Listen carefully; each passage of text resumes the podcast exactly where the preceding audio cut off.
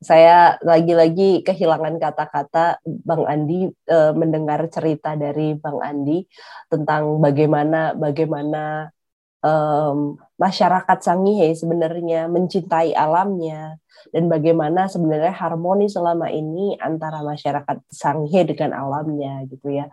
Dan terakhir tadi Bang Bang Bang Andi sudah bercerita soal bagaimana sebenarnya cita-cita uh, besar almarhum uh, Bapak Helmut Hontong uh, wakil bupati Sangihe gitu ya um, atau mungkin sering dipanggil um, dengan panggilan sayangnya Bang Embo gitu untuk selama ini mempertahankan Sangihe untuk tetap menjadi wilayah yang hijau dan juga rumah bagi masyarakat Sangihe.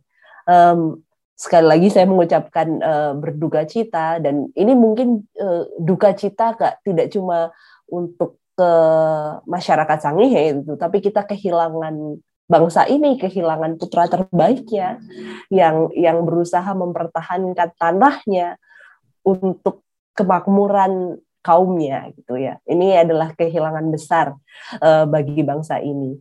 Dan um, yang kemudian um, sebenarnya pertanyaan selanjutnya nih Bang Bang uh, Bang Andi. Sebenarnya um, pasca kemudian meninggalnya um, Bapak Helmut Hontong sebenarnya bagaimana um, keluarga melihat melihat melihat ke, uh, eh, kepergian beliau gitu ya. Karena kami kami sempat mendengar bahwa sempat ada dilakukan otopsi dan dan dan kemudian polisi um, ber, berstatement bahwa um, ini tidak ada kaitannya dengan tambang ini, tapi bagaimana sebenarnya um, posisi cerita ini di mata keluarga? Ya, terima kasih. Jadi perlu disampaikan bahwa memang dari pihak keluarga mengikhlaskan kepergian almarhum dan keluarga bangga. Kenapa? Karena almarhum meninggal dalam posisi bertugas sebagai seorang wakil bupati bukan meninggal dalam keadaan yang dalam tanda kutip tapi beliau meninggal sementara menjalankan tugas. Kemudian uh, soal otopsi uh, keluarga sebenarnya tidak terpikirkan untuk otopsi.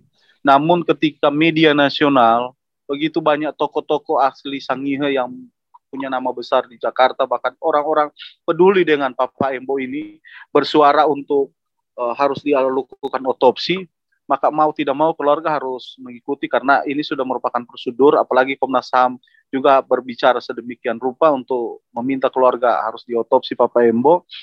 Dan akhirnya keluarga pada hari Minggu tanggal berapa itu uh, diotopsi lah eh, hari Senin dini hari diotopsi lah beliau. Memang statement polisi tidak ditemukan adanya unsur uh, racun di dalam tubuh beliau hanya penyakit menahun tapi pada kenyataannya kita harus menunggu juga hasil finalnya dari uh, tim forensik dari Makassar pada Senin depan karena polisi menjanjikan itu dua minggu. Nah dalam kondisi seperti ini keluarga juga terpukul uh, jika seandainya apa uh, isu bahwa Embo dikait-kaitkan kematiannya seperti Munir uh, ini entah seperti apa ke depannya ketika nantinya diumumkan hasil otopsi memang ada ada kandungan racun di dalam tubuh almarhum. Kita berdoa saja bahwa kematian Papa Embo ini tidak tidak seperti yang diopinikan selama ini Papa Embo diduga uh, kena racun atau karena uh, kita juga menghindar konflik konflik di masyarakat ketika opini terlalu uh, menggiring bahwa Papa Embo ini mati karena meninggal karena diracun karena ini pendukung beliau ini sangat luar biasa dan ini menjadi bisa chaos di daerah, daerah kita sehingga kita juga terus uh, mengedukasi masyarakat bahwa ini kehendak Tuhan almarhum selesai sampai di perjuangannya dan kita juga bangga karena beliau sampai menghembus nafasnya dia dalam posisi bertugas untuk negara, untuk negerinya, untuk keluarganya dan untuk semua masyarakat. Jadi kita menunggu saja hasil otopsi dari forensik di Makassar. Seperti apa kita berdoa saja hal yang yang diopinikan selama ini tidak terjadi. Karena selama ini memang uh, mulai ada gesekan-gesekan di antara pendukung beliau mendesak ini apa benar apa benar seperti itu pertanyaannya. Namun pihak keluarga tetap mengatakan bahwa ini ranahnya polisi. Keluarga tidak mau berspekulasi uh, karena kita menghindar konflik-konflik ini. Dan Kayul juga tahu bahwa memang Sangi ini rentan namanya kalau membela kepentingan orang yang terzolimi itu uh, luar biasa. Orang kalau dizolimi di negeri ini pasti dibela mati-matian oleh masyarakat. Nah jadi sikap keluarga sampai saat ini menyerahkan semua proses hukum apa pun yang terjadi ke, ke pihak kepolisian karena keluarga tidak punya kewenangan lebih masuk ke dalam uh, ranah itu karena ini ranahnya kepolisian.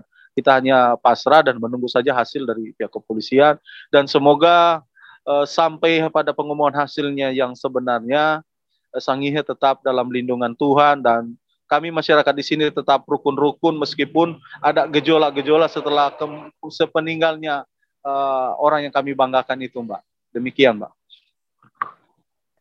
Terima kasih banyak, Bang Andi. Um, kami juga tentu saja berdoa supaya hasilnya yang terbaik dan itu kemudian melegakan buat keluarga, melegakan kita semua dan juga berdoa supaya um, uh, Bang Helmut Hontong gitu ya yang kita sayangi gitu ya um, tenang di surga. Um, kita mungkin lanjut ke, ke pertanyaan selanjutnya. Um, kira-kira nih um, saya kemudian ke Kak Jul gitu ya. Um, tadi Kak Jul sebenarnya sudah bercerita soal nantinya um, tentu saja akan melakukan gugatan hukum ya Um, tapi di luar itu kira-kira adakah yang kemudian um, teman-teman Save Sangi, Sangihe Island akan lakukan ke depannya gitu untuk mengadvokasi supaya supaya um, pulau ini kemudian tidak jadi ditambang. Ya, uh, ya Mbak. Jadi um, kami sudah menentukan pilihan itu sudah menentukan pilihan untuk uh, tidak boleh ada pertambangan. Lalu kemudian nanti akan ada upacara adat, ya upacara adat untuk menolak uh, balah ini. Ya tentu akan dilakukan. Ya saya nggak tahu seperti apa, tetapi mereka punya kewenangan mutlak yang nggak boleh diganggu gugat karena peradaban kami, adat istiadat kami dari leluhur sampai sekarang ini sangat-sangat dimuliakan ya di tanah kami. Jadi kita nggak boleh mengintervensi, silakan mereka melakukan itu di semua upaya, semua upaya yang akan dilakukan untuk untuk menolak ini. Nah, memang kami melihat terakhir ada di ada wacana yang dilemparkan oleh Pak Sekjen eh, Pak Rituan Jamaludin di kemarin saya lihat di salah satu TV mengatakan bahwa eh, akan menciutkan sampai 4.500 hektar ya. Jadi dari 42 kemudian turun menjadi 4.500 hektar. 4.500 hektar itu sudah berapa kampung yang harus hilang? Ya sekarang aja dengan 65 hektar dia potensial akan menghilangkan uh, salah satu kampung yaitu Kampung Bowone karena dari site plan yang mereka uh, bikin yang perusahaan uh, gambar itu pas di tengah-tengah kampung itu akan didirikan pabrik segala macam. Lalu yang paling mengerikan adalah uh, yang menggunakan blasting itu di dekat-dekat dengan wilayah-wilayah ini ya wilayah tangkap nelayan di mana itu tempat bertelur ikan dan e, masyarakat memiliki ketergantungan yang luar biasa. Karena mereka selain nelayan mereka adalah petani. Dan kalau semua tanah semua sudah dihancurkan berarti ini adalah ya genocide. Ya meskipun eh, mereka pemerintah itu kan selalu melihat kacamatanya ah cuma sekian hektar kok nggak besar kok kayak gitu kan. Tapi bagi seseorang bagi masyarakat itu sangat merupakan uh, hidup matinya dia gitu loh. Kan perspektifnya tidak boleh di harus kita selalu berkacamata ber, berdasarkan apa ukuran mereka. Ukuran pemerintah bukan berarti kita mau melawan pemerintah tapi tujuan pembangunan untuk mensejahterakan rakyat kan tujuan pembangunan yang dirumuskan di dalam Undang-Undang Dasar 45 itu adalah sebesar-besarnya untuk kesejahteraan rakyat. Nah, kalau hari ini rakyat merasa tidak sejahtera, merasa terganggu, merasa uh, mereka mau dikubur bersama dengan perusahaan ini, kenapa ini harus dilakukan? Berarti ini bukan uh, pembangunan yang bertujuan untuk mensejahterakan rakyat. Berarti apa?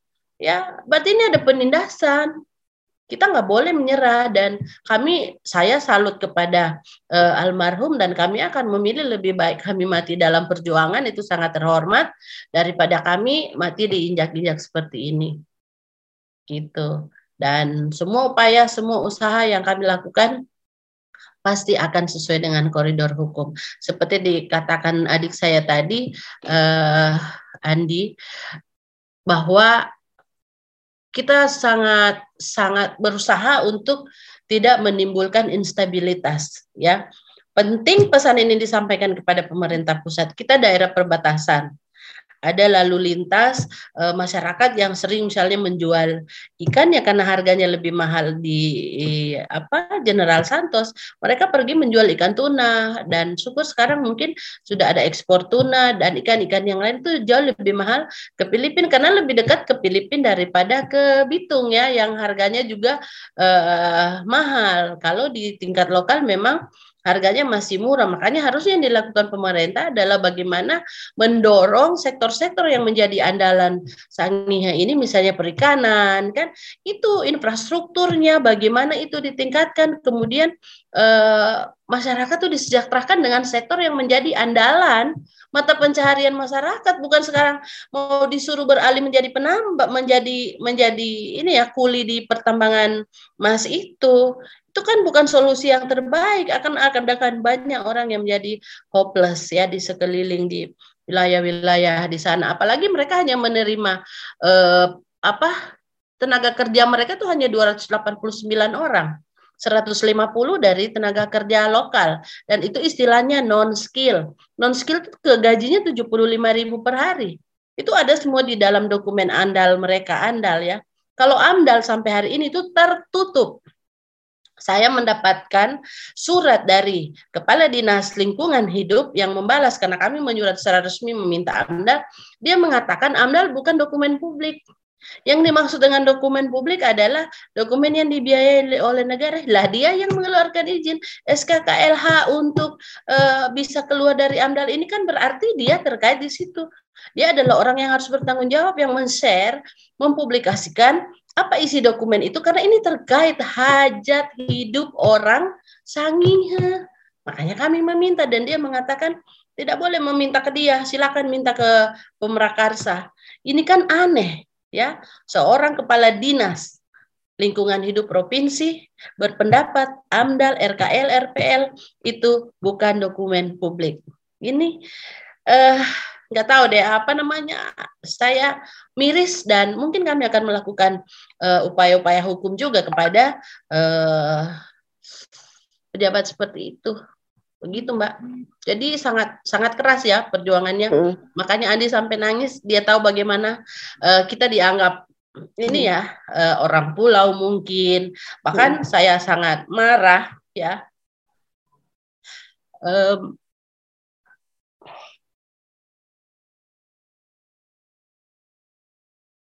sorry ketika uh, dirjen mengatakan bahwa uh, daerah Sangiha itu tidak seperti yang digambarkan indah, normal, bersih. Wah, saya bilang Pak Dirjen tuh belum pernah datang.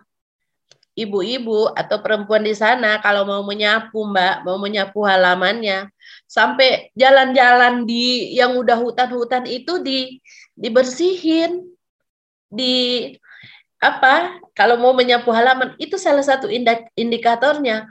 Orang sanger biar rumahnya tanah biar rumahnya nggak di apa ya bukanin tapi coba lihat dalamnya. Pasti rapi pasti bersih banget. Ya bersih luar biasa. Jadi jangan bicara di sana misalnya sanitasi kotor nggak ada. Ya itu itu sudah uh, menjadi bagian apa ya menjadi bagian yang terintegrasi di dalam jiwa di dalam peradaban. Apalagi kalau bisa bicara keindahan. Waduh, di Sangir itu masih sangat natural, masih sangat virgin. Jadi kalau mau ke sana uh, untuk sentuhan-sentuhan wisata alamnya itu itu luar biasa. Makanya saya kalau kalau uh, apa namanya Mbak Nadine Chandrawinata itu dia luar biasa banget, dia sangat excited di sana, ya. Kakak Satriaji misalnya dia sangat terpesona dengan foto-foto yang dikirim. Kok Pak Dirjen mengatakan itu apa ya kebalikannya? Jadi saya jadi marah sekali ya untuk untuk memuluskan tujuan mereka ya keinginan mereka me, menambah ya dengan harus menghina ya dengan harus mendiskreditkan me, apa ya buat saya sangat sangat dalam. Jadi eh, kami mengatakan kepada Pak Dirjen ya satu jengkal pun kami tidak akan menerima PT Tambang Masangiha di sana ya.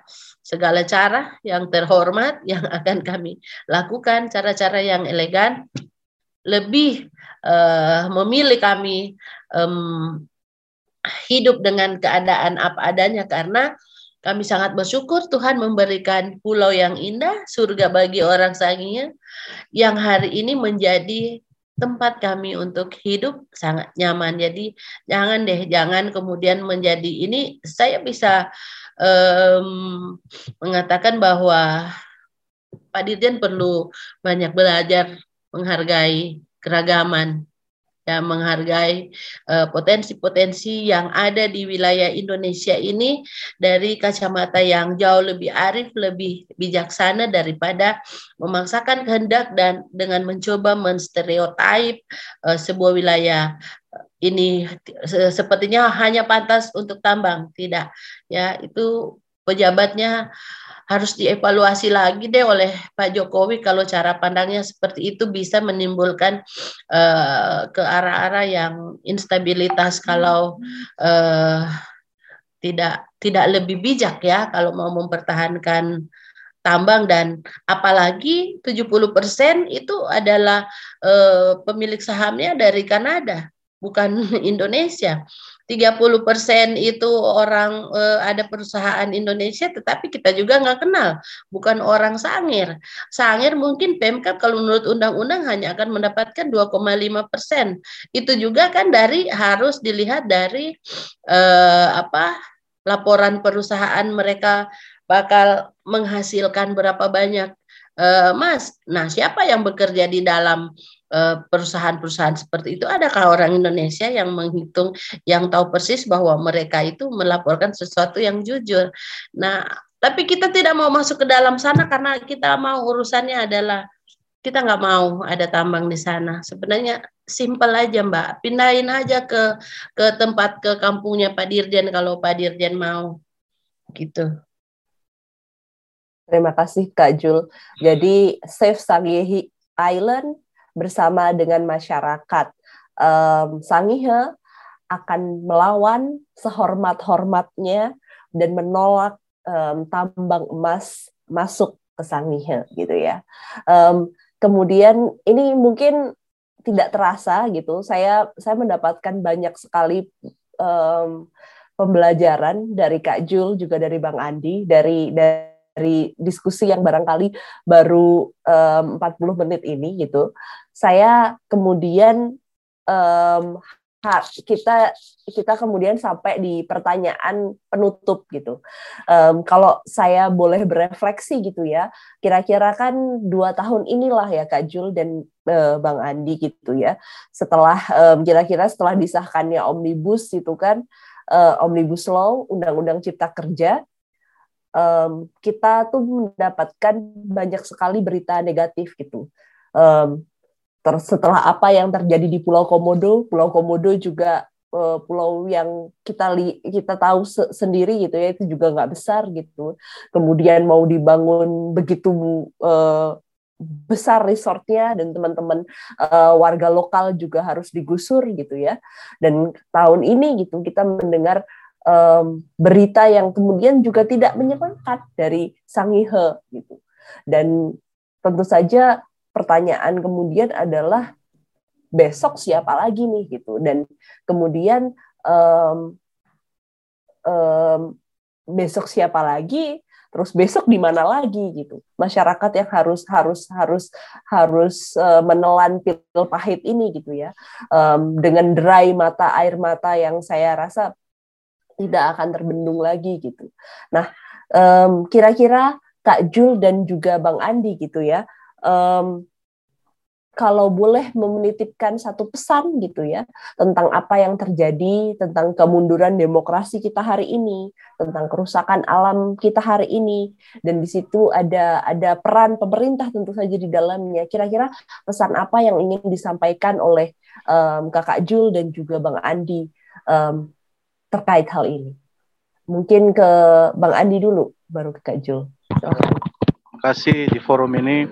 Sebagai anak Sangihe sebagai orang-orang tinggal di kepulauan pesan kepada Pak Presiden khususnya lihatlah kami sebagai manusia. Jangan lihat kami sebagai objek yang bisa dipermainkan tapi lihat kami sebagai manusia seutuhnya dan hargai peradaban kami dan hargai tanah kelahiran kami. Karena kami nyaman dan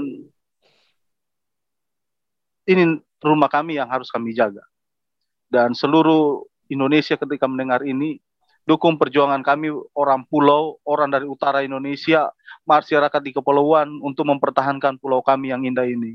Dan Pak Dirjen, Anda harus minta maaf kepada warga Sangihe, ke masyarakat Sangihe karena kami tersinggung sekali dengan pernyataan Bapak.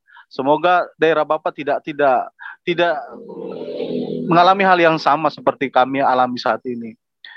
Dan pesan terakhir juga uh, kepada seluruh masyarakat Indonesia berdoa sehingga uh, almarhum dari hasil otopsi nanti tidak terjadi hal-hal yang tidak diingini dan Sangihe tetap dalam lindungan Tuhan. Terima kasih. Amin. Terima kasih banyak Bang Andi. Silahkan Kak Jo. Uh, kalau saya hanya singkat saja, saya hanya mau uh, menyampaikan bahwa falsafah dari uh, seorang pahlawan dari Sangihe yang bernama Bataha Santiago sudah menjadi pandu dan sudah menjadi nafas dari perjuangan Save Sangihe Island. Dalam bahasa Sangihenya seperti ini, Mbak. Ikite mendiahi untuk anguseke nusah kumbahang katumpang. Jadi kita mengumpulkan pasukan untuk berperang supaya pulau tidak boleh ada penjajah yang masuk. Itu sebuah eh, apa ya? Ini maknanya sangat dalam tapi jangan diartikan secara harfiah ya sebagai sebuah eh, apa? Sebagai sebuah apa namanya perlawanan yang tidak terkontrol tidak kami tetap ada dalam koridor dan sangat menyesalkan ketika omnibus law menjadi hukum yang memangkas kedaulatan rakyat atas haknya di eh, tempat yang di, dicintai dan menjadi tempat kehidupannya selama ini. Ada banyak eh, apa pelemahan-pelemahan di sana terkait posisi masyarakat, tetapi kami yakin dan percaya Tuhan itu melampaui segala kekuasaan, ya kemahakuasaannya, pasti kebenaran akan ada jalannya, Mbak, dan uh, kami akan menempuh segala jalan agar supaya sanginya ini uh, diselamatkan, tidak boleh dirusak, gitu aja. Terima kasih banyak Kakak Jul dan Bang Andi. Um, saya ulangi sekali lagi, saya kemudian uh, tidak henti-hentinya um, uh, merasa bahagia gitu ya karena hari ini bisa mendengar langsung cerita dari Kakak Jul dan juga Bang Andi. Saya rasa sahabat lingkungan yang bersama kita mendengarkan um, podcast ini juga kemudian uh, merasa merasa panas gerakan dari teman-teman gitu ya, panas perjuangan api perlawanan dari teman-teman um, Save Sangihe Island dan juga masyarakat Sangihe gitu ya, menolak tambang ini pasti pasti terasa gitu ya. Dan ini kemudian menjadi satu buah um, gambaran gitu bahwa kemudian um, masyarakat itu tidak akan pernah diam gitu. Ketika dirinya gitu ya harus diusir dari tanahnya atau um, ibu bumi atau alamnya kemudian dicerabut sama orang-orang asing gitu ya. Dan dalam konteks ini bahkan difasilitasi negara um, itu tidak akan pernah diam gitu. Dan perla api perlawanan ini akan terus muncul gitu. Dan ini saatnya kita untuk menyebarkan energi ini, energi perlawanan ini bahwa kepada siapa pun gitu sobat lingkungan yang kemudian um, sekarang gitu sedang sedang sedang juga memperjuangkan hak-haknya gitu, memperjuangkan lingkungan di sekitarnya gitu untuk jangan berpatah semangat. Dan juga kita terus bersaling bersolidaritas uh, menyebarkan semangat dan energi ini.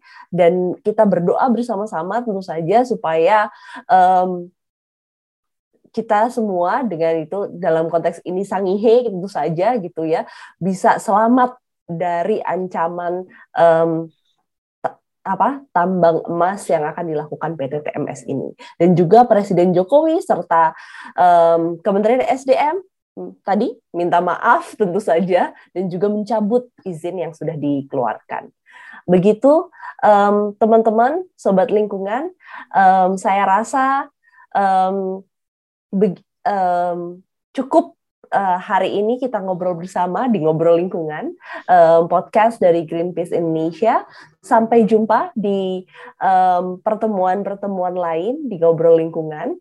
Uh, pastikan teman-teman terus terus terus um, mendengarkan podcast Ngobrol Lingkungan lewat uh, Spotify dan juga um, Google Podcast. Terakhir, saya saya kembali mengucapkan terima kasih ke Kak Jul dan juga Bang Andi yang sudah jauh-jauh menemani kita dari Sangihe. Um, sekian, salam lestari.